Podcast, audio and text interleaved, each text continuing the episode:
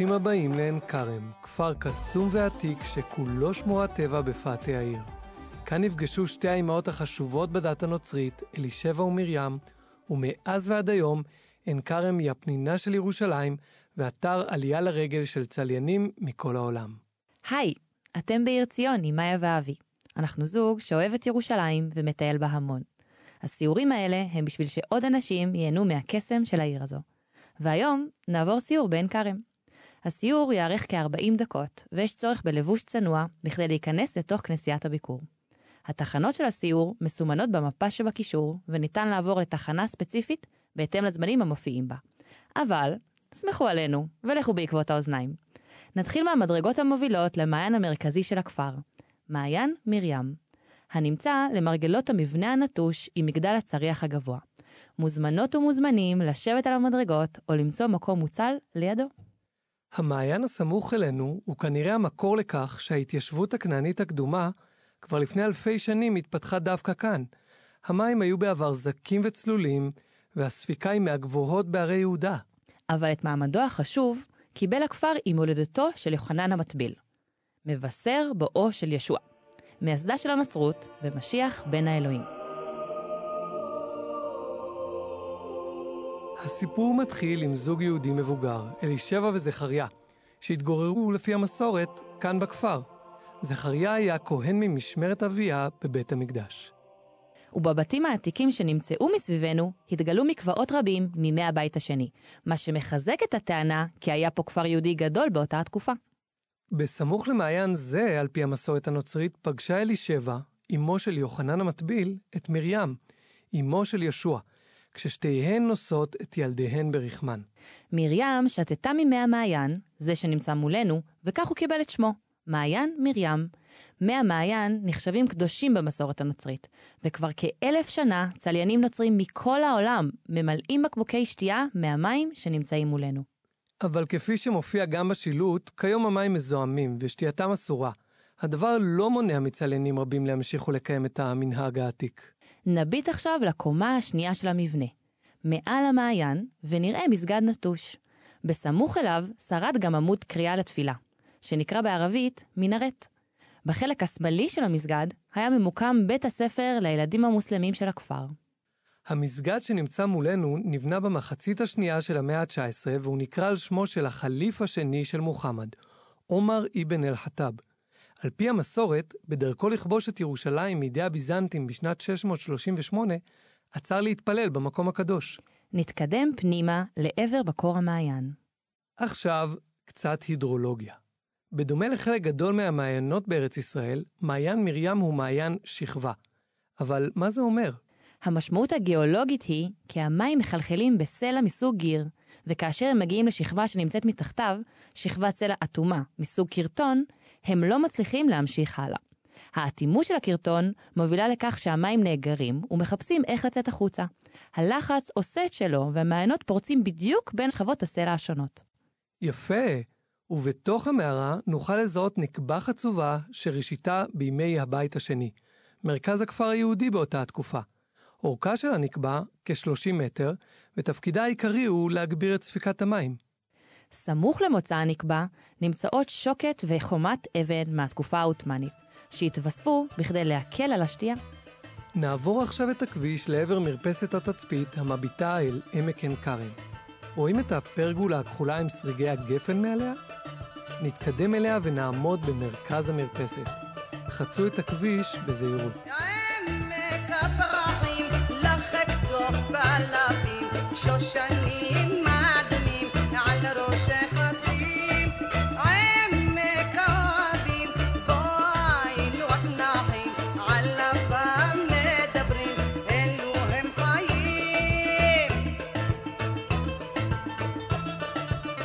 חשוב לציין שהשיר נכתב בכלל על כרם התימנים בתל אביב. כן, אבל גם בעין כרם יושבו הרבה משפחות תימניות בקום המדינה, וחוץ מזה, אני מתה על אהובה עוזרי. איזה עמק יפהפה, אה? אם הגעתם בראשית האביב, לא תוכלו להישאר אדישים לנוף השקדיות הפורחות. וגם אם לא, עמק עין כרם יפהפה בכל ימות השנה. נביט על עצי הפרי, האדריכלות הערבית והטרסות העתיקות שנמצאות מתחתנו. שבזכותן עין כרם מועמדת לקבלת התואר אתר מורשת עולמית של ארגון אונסקו כבר די הרבה שנים. וכשעומדים פה מבינים שבאמת מגיע לנו כבר לזכות. זה רק עניין של זמן. עין כרם יושבת במרכזה של קונכייה נופית העוטפת אותה בנוף תנכי, מה שקרוי בשפה המקצועית נוף תרבות. ובכל זאת, לא נשארו הרבה מקומות שהזמן עצר בהם מלכת. תצפית קצרה.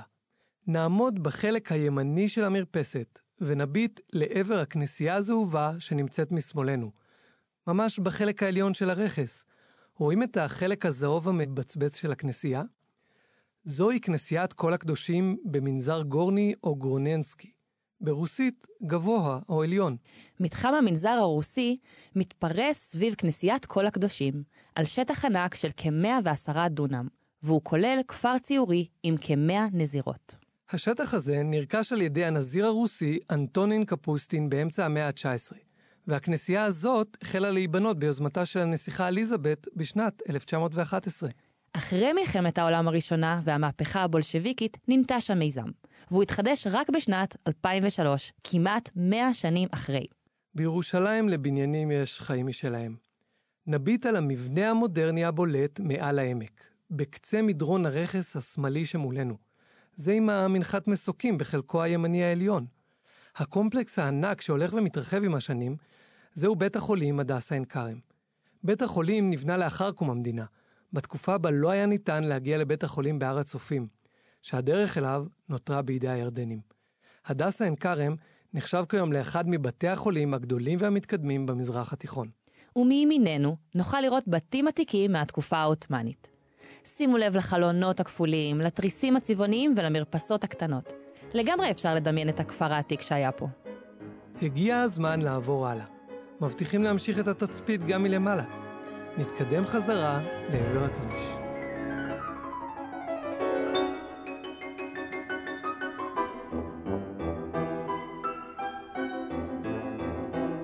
מולנו נראה צומת. ימינה יוביל אותנו לרחוב מדרגות הביקור, ושם מועדות פנינו. ושמאלה יוביל אותנו לרחוב מעלה האכסניה, שעולה מעל המעיין. אבל ממש מעל הצומת, ובין השלטים הכחולים של הרחובות, נוכל להתקדם ולזהות את לוח המודעות של מרכז עדן תמיר למוזיקה, לשעבר מרכז תרג. המרכז, שאת בניין האבן שלו ניתן לראות מעל ללוח המודעות, היה שייך בעבר לשייח' אבו סאלם, המוכתר של עין כרם, ושימש לאחר קום המדינה כבית קולנוע קטן. בסוף שנות ה-60 החליט ראש עיריית ירושלים טדי קולק להקצות את המבנה לפסנתרנים ברכה עדן ואלכסנדר תמיר, יקירי ירושלים, בשביל לעודד את הפיכת עין כרם לכפר אמנים. מוזמנים להביט בלוח הזמנים של הקונצרטים הקרובים. נפנה עכשיו לרחוב מדרגות הביקור, שהולך במקביל לעמק, בדרכנו לכנסייה.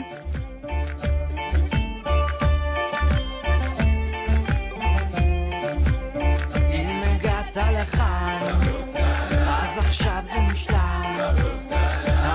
כבר קיים, אז תרקוד בן אדם.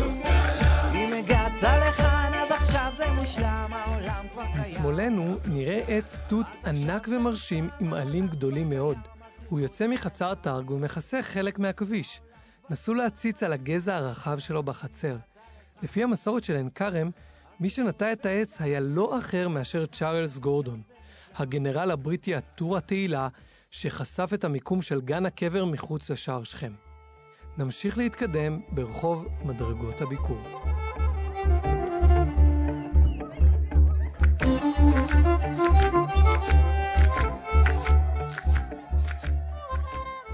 מולנו משמאל מטפס כביש קטן, לשער ברזל שחור ועליו כתובת שמציינת את שם המסדר בלטינית, סורורוס אסה רוזרי, אחיות הרוזרי. ליד השער, משמאל, מופיעה גם תמונה של נזירה, מארי אלפונסין. ב-1880 חוותה הנזירה הערבייה מארי אלפונסין התגלויות חוזרות ונשנות של מרים, אשר עודדה אותה להקים מסדר שיעסוק בחינוך ילדים, ברפואה ובסעד לחולים. אלפונסין הבינה שהיא חייבת עזרה בכדי להוציא את הבקשה לפועל, ויחד עם כומר נוסף מבית לחב, יוסף טאנוס, אספו השניים שבע נערות צעירות והקימו את המסדר החדש, שהוקם בהתחלה בעיר העתיקה בירושלים. המסדר התרחב עם השנים, והאחיות מנהלות כיום כמה שלוחות ברחבי העולם. אם תראו סביבכם נזירה לבושה באפור, היא כנראה שייכת למסדר הייחודי הזה. גם כיום המקום משמש כבית יתומים פעיל לבנים, ולכן הוא סגור לביקורים. נמשיך להתקדם ברחוב מדרגות הביקור. אז תרקוד בן אדם אם הגעת לכאן אז עכשיו זה מושלם אם הגעת לכאן אז עכשיו זה מושלם מימיננו נוכל לראות יפה את המדרגות של הטרסות העתיקות. אז מה הרעיון שלהם בעצם? נמשיך להתקדם לכיוון המדרגות, ואני אסביר. במטרה למנוע סחף של הקרקע עם התבואה, באזורים הרריים רבים ברחבי העולם, בנו התושבים מעין מדרגות בהר. יתרון נוסף של הטרסות הוא שמי הגשמים עוברים ממדרגה למדרגה, וכך משקים את כל הגידולים. אז מתי נבנו לראשונה הטרסות שמולנו? זאת שאלה די מורכבת, כי בשונה ממבנים, מאוד קשה למדוד טרסות מבחינה ארכיאולוגית. ידוע לנו שהייתה כאן התיישבות קדומה, ונמצאו טרסות ברחבי ארץ ישראל כמעט מכל התקופות, כולל מהתקופה הכנענית ומימי הבית הראשון. אבל כיום, באמצעות בדיקה חדשנית, מוציאים חופן עפר בזהירות מבסיס הטרסות ובודקים במעבדה מתי העפר שם ראה אור יום בפעם האחרונה. וכך אפשר להבין בערך מתי בנו אותם. ומה שהתגלה פה, בהרי ירושלים, הפתיע למדי. כל החוקרים קיוו למצוא כאן טרסות עתיקות, אבל למעשה, הרוב המוחלט של הטרסות שנבדקו נבנו רק מלפני כ-400 שנה. מה שאומר שאנשי הכפר הערבי בתקופה העות'מאנית הם אלה שבנו אותם. אם הגעתם כבר למדרגות, מוזמנים להתחיל לעלות. יש לנו לא פחות מ-111 מדרגות עד הכניסה לכנסיית הביקור. כך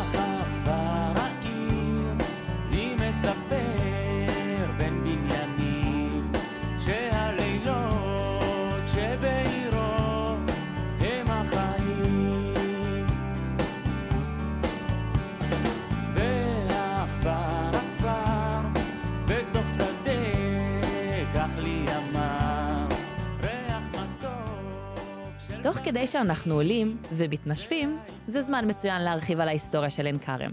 הפעם הראשונה בה מוזכר מקום בשם כרם הוא בספר ירמיהו. ובתקוע תיקעו שופר ועל בית הכרם שום הסת. במה שנראה כמו הנחיה להשיא משואה בעת צרה.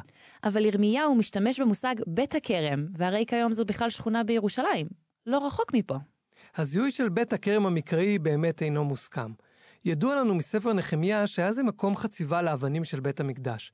פרופסור יוחנן אהרוני למשל, זיהה אותה בכלל באזור רמת רחל, במה שבהחלט הרבה יותר מסתדר מבחינה טופוגרפית. ובברית החדשה נכתב שמרים מגיעה בכלל לעיר יהודה. והמסורת שמדובר על הכפר עין כרם מוזכרת לראשונה בכתבים גיאורגיאנים רק מהמאה התשיעית, כאלף שנים אחרי הולדתו של יוחנן. אבל היה לה מסורת על מה להישען. הרומאים בנו כאן כמה מקדשים, והם בדרך כלל דאגו לבנות אותם במקומות שהיו קדושים כבר לפני כן. וזה שהיה כאן כפר יהודי בדיוק מהתקופה של הסיפור, בהחלט תומך את המסורת. בתקופה הצלבנית, במאות ה-11 וה-12, הנוצרים מקדשים את עין כרם, והמקום הופך לתחנת חובה של עולי רגל מכל רחבי העולם. אחרי נפילת הצלבנים, בשלהי ימי הביניים, מתגבש כאן כפר מוסלמי, שאת המסגד החדש שלו ראינו ליד המעיין. תוך זמן קצר הפכה עין כרם לכפר חשוב באזור ירושלים. במאה ה-19 החלו להתיישב פה גם נוצרים, ובתקופת המנדט הייתה פה אווירה קוסמופוליטית שכללה גם בתי קפה ומסעדות, ממש כמו היום. ערב מלחמת העצמאות מונה הכפר כמה מאות תושבים, והוא משמש כבסיס קדמי ללוחמים עיראקים שהתקיפו את שכונת בית וגן. לאחר הקרב בדיר יאסין, בכניסה לירושלים, ברחו רוב התושבים לכיוון בית לחם, וארגון ההגנה נכנס לעין כרם ללא קרב. רק שתי משפחות ערביות, משפחת חנה והאחיות פלמינה, החליטו להישאר כאן יחד עם הנזירים והנזירות של המסדרים השונים. ואחרי המלחמה שיכנה הסוכנות היהודית פליטים יהודים, בעיקר יוצאי ארצות ערב, בשרידי הכפר. טוב, נראה לי שכבר הגענו לקצה המדרגות, לא? אם כן, זה זמן טוב להסדיר נשימה ולצפות בנוף המדהים שמתפרס מימיננו. היצמדו לגדר ולמעקה השחור מימינכם, ותכף נתחיל בתצפית.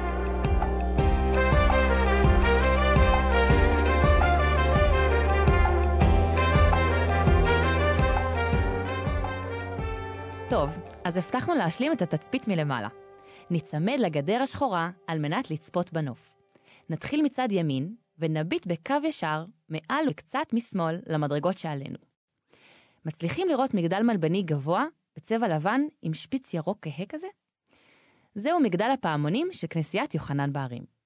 ומימין ומשמאל למגדל יש גגות אדומים ששייכים לקאזה נובה, בית חדש בלטינית, המשמשים למגורי צליינים. הכנסייה נבנתה לראשונה ככל הנראה במאה השישית, והיא מציינת את מקום לידתו של יוחנן המטביל. מעל ומימין לכנסיית יוחנן בערים, ניתן לראות מלמטה ללמעלה חלק משכונת עין כרם ואת פאתי שכונת קריית יובל.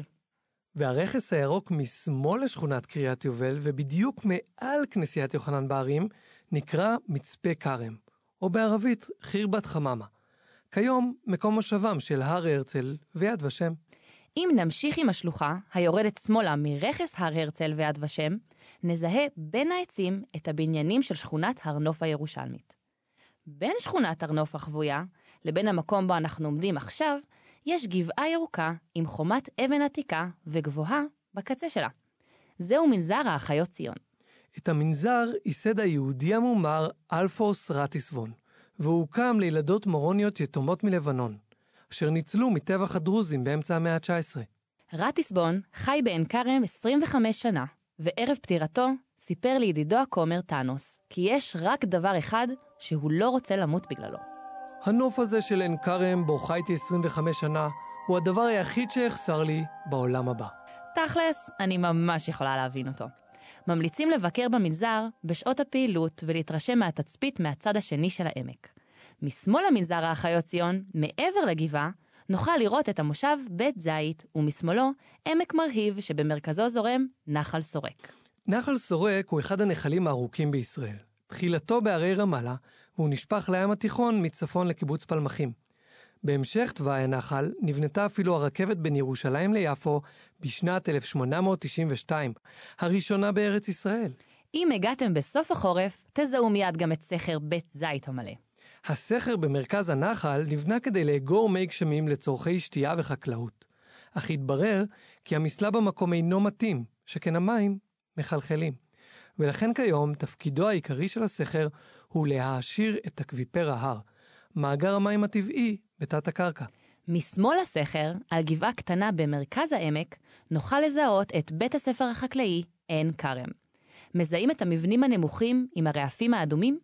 זה היה מקום השבוע השני של כפר הנוער של רחל ינאית בן צבי. כיום משמש המקום כבית ספר אזורי חקלאי של המועצה האזורית מטה יהודה. מעל הכפר החקלאי ונחל סורק, נוכל לראות את היישוב מבשרת ציון, שמתפרס על שתי הגבעות הרחוקות, שביניהם גם עובר כביש אחד, בין ירושלים לתל אביב. הגבעה השמאלית מביניהן נקראת הקסטל, על שם כפר ערבי קדום, שאימץ את המילה קאסל, טירה בלטינית. את שרידי המבצר הצלבני, הקאסל, ניתן לראות בחלקו העליון של הקסטל. מזהים שרידים של מבנה אבן בראש הגבעה החשופה? היא מעט מבודדת מבתים, מוקפת שטח ירוק קטן, וסמוך אליה יש גם אנטנה. על פסגת הקסטל התרחשו מספר קרבות חשובים לאורך ההיסטוריה, כולל במלחמת העצמאות, סביב שחרור המצור על העיר ירושלים. באחד הקרבות נהרג שם עבד אל-קאדר אל-חוסייני. מותו המפתיע של המפקד הנערץ היווה מכה קשה מאוד לכוחות הערבים.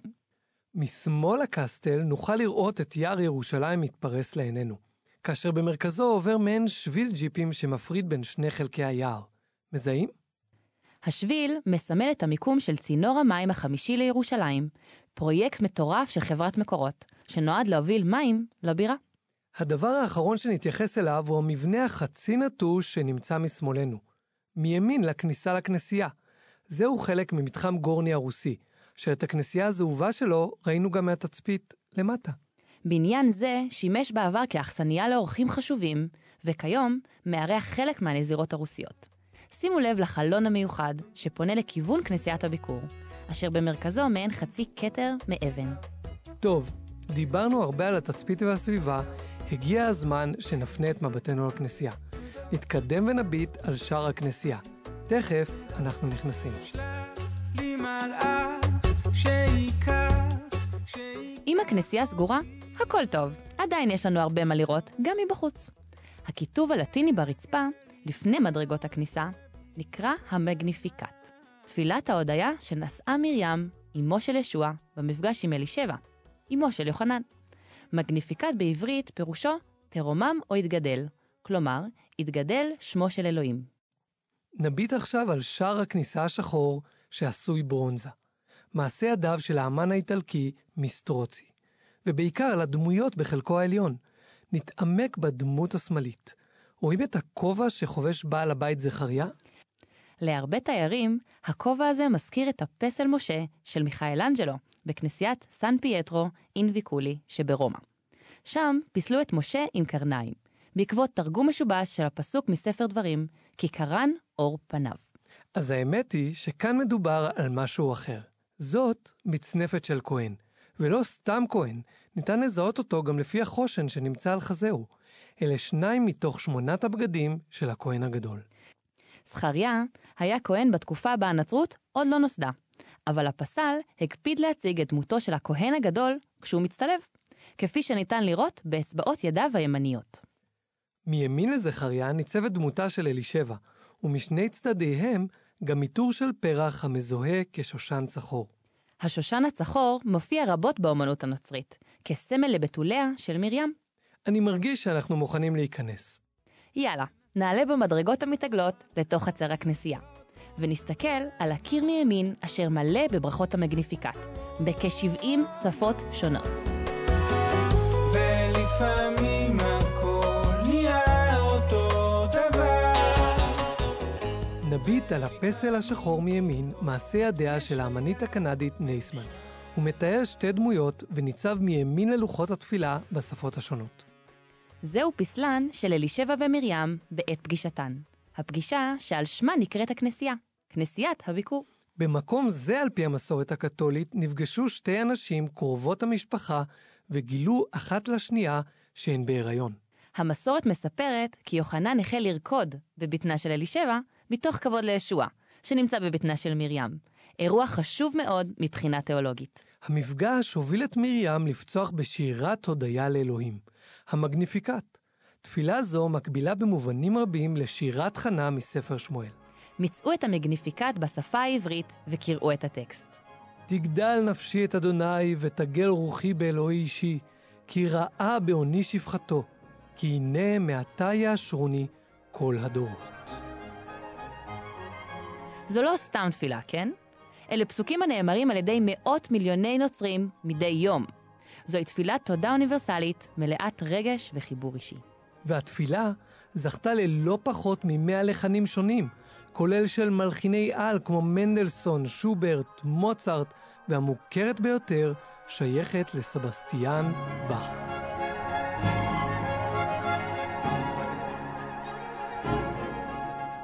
אם נביט מעל ומשמאל ללוחות המגניפיקט, נזהה חומה גבוהה שחלקה עטוף בגדר תיל.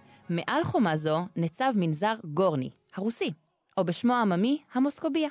הכנסייה הרוסית מזהה את הביקור ואת הצלתו של יוחנן במתחם זה שמעלינו, שראינו גם מלמטה, כך שהמסורות סביב עין כרם משותפות לזרמים רבים בנצרות, בעוד המיקום המדויק של האירועים שונה. נביט עכשיו לפסיפס הקיר הענק שנמצא בחלק העליון של חזית הכנסייה. מוזמנים ומוזמנות לשבת על מעקה האבן. עכשיו אנחנו כבר יכולים להבין לבד מה מתואר בו. בפסיפס שנעשה על ידי האמן ביאז'טי בסטודיו של הוותיקן בשנת 1943, אפשר לראות את מרים רוכבת על חמור בדרכה מנצרת, שנמצאת משמאל למעלה, לכיוון עין כרם, בצד ימין למעלה. שם אלישבע כבר מחכה לה בפתח ביתה. נשים לב שגם המלאכים בפסיפס הן בעצם מלאכיות. המוטיב הנשי בולט בכל האמנות של כנסיית הביקור. ואפשר לראות אנקדוטה מעניינת בפסיפס. בחלק השמאלי תחתון ניתן לזהות שיח צבר, סברס. השיח, שמזוהה עם ארץ ישראל במאות האחרונות, יובא למזרח התיכון בכלל ממקסיקו. יבשת אמריקה התגלתה רק בסוף המאה ה-15, כך שמרים ככל הנראה לא ראתה סברס בדרכה לעין כרם בסביבות שנת אפס לספירה. אבל אל תספרו לאמן, הוא רק רצה לתת לנו תחושה של צמחייה ארץ ישראלית צברית. והפסוק מתחת לפסיפס, בשפה הלטינית, הוא מן הברית החדשה בבשורה על פי לוקאס. בימים ההם קמה מרים ומיהרה ללכת אל אזור ההר, אל אחת מערי יהודה. נוכל לזהות את המילה montana, בלטינית, מהמילה mountain, הר. במאה החמישית זוהה כאן מקום הביקור ונבנתה כאן כנסייה ביזנטית, אשר חלק קטן משרידיה נמצאים. פלישת הפרסים הססנים במאה השביעית הובילה לחורבן הכנסייה, כמו מקומות רבים אחרים בארץ הקודש, והיא נשארה ככה עד הגעתם של הצלבנים במאה ה-12. הצלבנים הגיעו מאירופה במטרה לשחרר את ארץ הקודש משלטון מוסלמי, ולכן בנו מחדש כנסיות רבות. נביט לחלקו התחתון של המגדל מימין לפסיפס. מזהים אבני גביל גדולות ושחוקות יחסית? כל הקיר שמתחת למגדל הוא שריד של הכנסייה הצלבנית מהמאה ה-12. הפרנציסקנים קונים כאן את המקום במאה ה-17, משפצים את החורבות מספר פעמים, ורק בשנת 1955 מסתיימת הבנייה של הכנסייה שאנחנו רואים כיום. אתנה קלה. אם אתם צריכים לשירותים, יש בצד הימני של החצר שתי דלתות בתוך קשת, ובתוכם שירותים. אחרת, אנחנו נכנסים לכנסייה. ניכנס לקומה הראשונה של הכנסייה שנמצאת מולנו.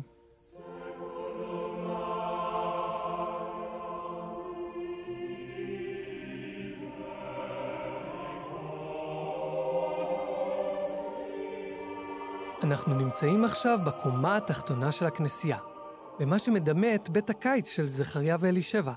החלל הזה נקרא קריפטה, שהוא כינוי של חדר תת-קרקעי המצוי בדרך כלל מתחת לכנסיות ומנזרים.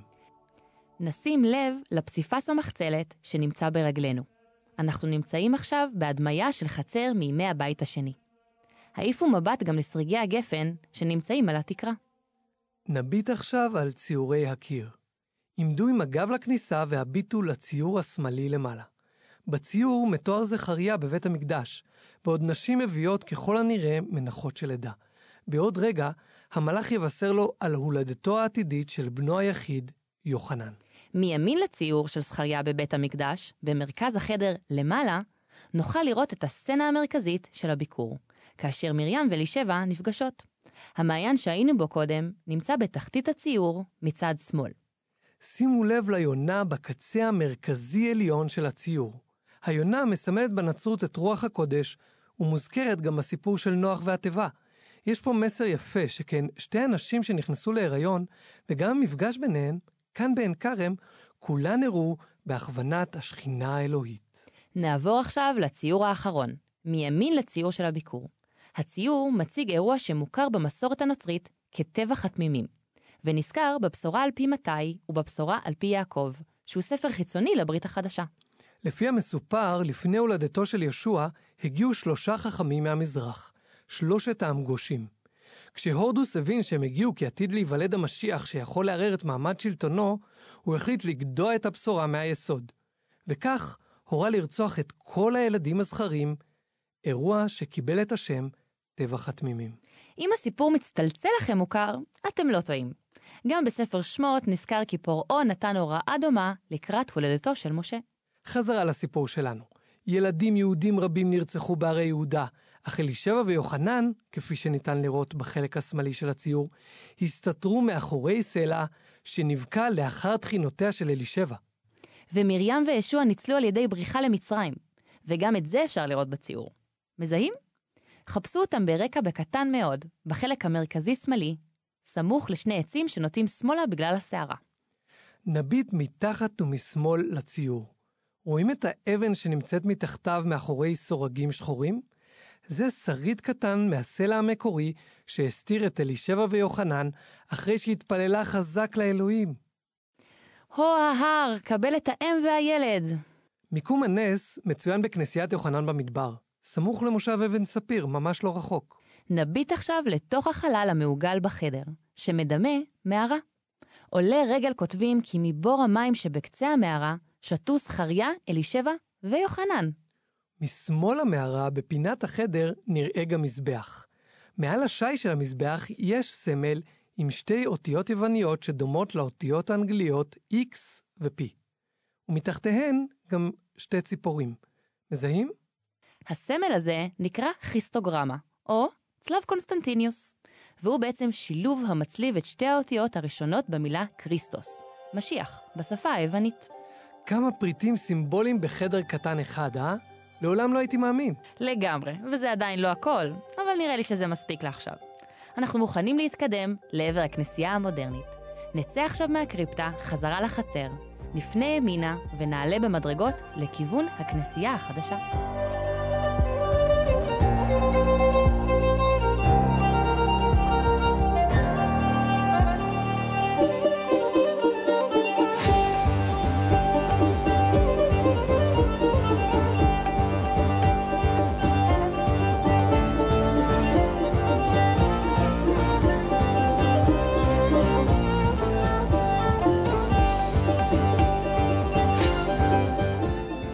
תוך כדי שאנחנו עולים, נביט בצד שמאל לבית הקברות של הנזירים, ובהמשך גם לעצי הפרי, לגנים ולמגוריהם.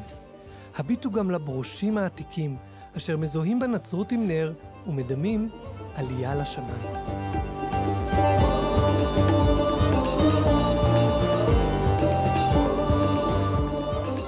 לפני שאנחנו נכנסים פנימה, נביט על האבנים העתיקות משמאל הכניסה, בחלק התחתון של הקומה השנייה. גם אלה אבנים צלבניות מהכנסייה העתיקה שהשתלבו בכנסייה המודרנית. ניכנס עכשיו לכנסייה. שימו לב, הנזירים מקפידים מאוד שלא לשוחח בתוך הכנסייה, אבל מותר לצלם, מזל שלהקשיב אפשר. וגם להתפלל. ניכנס לכנסייה ונביט על הגומחה בצד שמאל, שזה האפסיס של הכנסייה.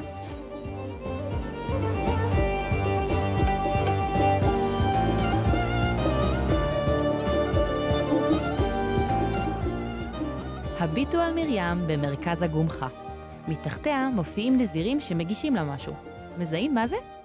זה המבנה שאנחנו נמצאים בו עכשיו. אפשר לזהות אפילו את הפסיפס של חזית הכנסייה בציור, ואת המגדל. טיפ ממני, את המוטיב של הגשת הכנסייה למרים תזהו בהרבה כנסיות במערב אירופה. נביט עכשיו על הקיר מימין לגומחה ונסביר על חמשת הציורים הגדולים משמאל לימין. כל הציורים כאן קשורים למרים, אמו של ישוע. אוקיי, בואו נתרכז. הציור הראשון משמאל מציג את ועידת אפסוס, שנערכה בשנת 431 באסיה הקטנה. ודנה בוויכוח ענק בין הפטריארך של קונסטנטינופול והפטריארך של אלכסנדריה בשאלה הגורלית, האם מרים היא יולדת המשיח או יולדת האל? שני הפטריארכים יושבים בצד ימין של הציור. זה אולי נשמע קטנוני, אבל היה זה הוויכוח התיאולוגי החשוב של התקופה. אם אתם במתח, אז נגלה שלבסוף הוכרע שמרים היא יולדת האל, ישוע. ומה לגבי עדות שלא קיבלו את ההכרעה, כמו קופטים נגיד? הם נרדפו במשך תקופה ארוכה והתפצלו מהזרם המרכזי לנצח. הציור השני משמאל מציג את מרים המרחמת, כאשר בני לאומים שונים באים להכיר בה, במלכותה ובחסדיה. שימו לב לאפריקאים ולאצילים האירופאים, לחקלאים הפלאחים ולאקדמאים. כולם ביחד חסים בצילה של המלכה. ובצד שמאל של הציור, בתוך הקהל, יש גם איזה דמות מודרנית עם חליפה ופפיון. מימין לאישה עם השמלה הצהובה. והוא היחיד שמסתכל עלינו ולא עליה. זהו אנטוניו ברלוצי, אדריכל הכנסייה, שדאג להכניס את עצמו בכדי שנדבר עליו. אז הנה, מילינו את חלקנו. הציור האמצעי, השלישי משמאל, מתאר את נס החתונה בכפר קאנה, בו ישוע הפך מים ליין. אבל איך זה קשור למרים? זה בכלל נס של ישוע. אז על פי המסופר בבשורה על פי יוחנן, מרים היא זאת שדחפה אותו לעשות את הנס הראשון בחייו. כשחסר להם יין אמרה אם יהושע אליו, אין להם יין. ניתן לראות בציור ממש את הרגע בו מרים דוחפת את יהושע לבצע את הנס וזורקת אותו למים. נסתכל עכשיו על הציור מימין לחתונה בכפר קאנה. כלומר, לציור השני מימין. הציור מציג קרב חשוב מאוד בתולדות אירופה, קרב לפנטו ביוון, שהתרחש בשנת 1571 בין העות'מאנים למדינות מערב אירופה. הקרב היה על עתידה של אירופה. אם העות'מאנים היו מנצחים את הקרב הזה, אירופה הייתה הופכת להיות מוסלמית לעד. אך בשעה גורלית זו התגלתה מרים לכמה מהלוחמים ועזרה לנצח את העות'מאנים. במה שמסמן לדעת היסטוריונים רבים גם את תחילת שקיעתה של האימפריה. הציור מציג את טקס הקנייה. והציור האחרון מתאר ויכוח גדול שהתקיים באוניברסיטת סורבון בשנת 1307, סביב הריונה של מרים. האם היא אכן נכנסה להיריון ללא חטא? אז אם תהיתם, אחרי דיונים רבים פסקו המלומדים שאכן היה זה עיבור נקי ללא חטא ורבב. ציורי הקיר כאן הם מעשה ידיו של האמן האיטלקי וגריני, שהיה מוכר מאוד באותה התקופה. הצייר המפורסם משך לכאן סטודנטים מבצלאל, כולל אחד בשם מרדכי ארדון. לימים, צייר ישראלי מפורסם ודיקן הפקולטה של בצלאל. ארדון ביקש מווגריני להיות העוזר הנאמן כדי ללמוד את רזי המקצוע. וכך היה. אך לא להרבה זמן. השמועה שצייר יהודי עוזר לציורים של כנסייה קתולית הגיעה תוך זמן קצר לוותיקן, שהורה על הפסקת פעילותו באופן מיידי. אבל וגריני מרח קצת את הפקודה, וארדון צייר חלק גדול מהדמויות שאנחנו רואים עכשיו. עכשיו זה זמן טוב להתרשם עצמאית מהכנסייה. אל תפספסו את העוגב הענק בחלק האחורי שלה. ומוזמנים להביט על שמות עשר הנשים התנ"כיות שמופיעות בקצה העמודים הציוריים, בחלק העליון של קירות הכנסייה. ניתן לזהות כל אישה לפי הדברים שהיא לובשת או עושה. חפשו למשל את יהודית עם החרב, או מרים עם התוף.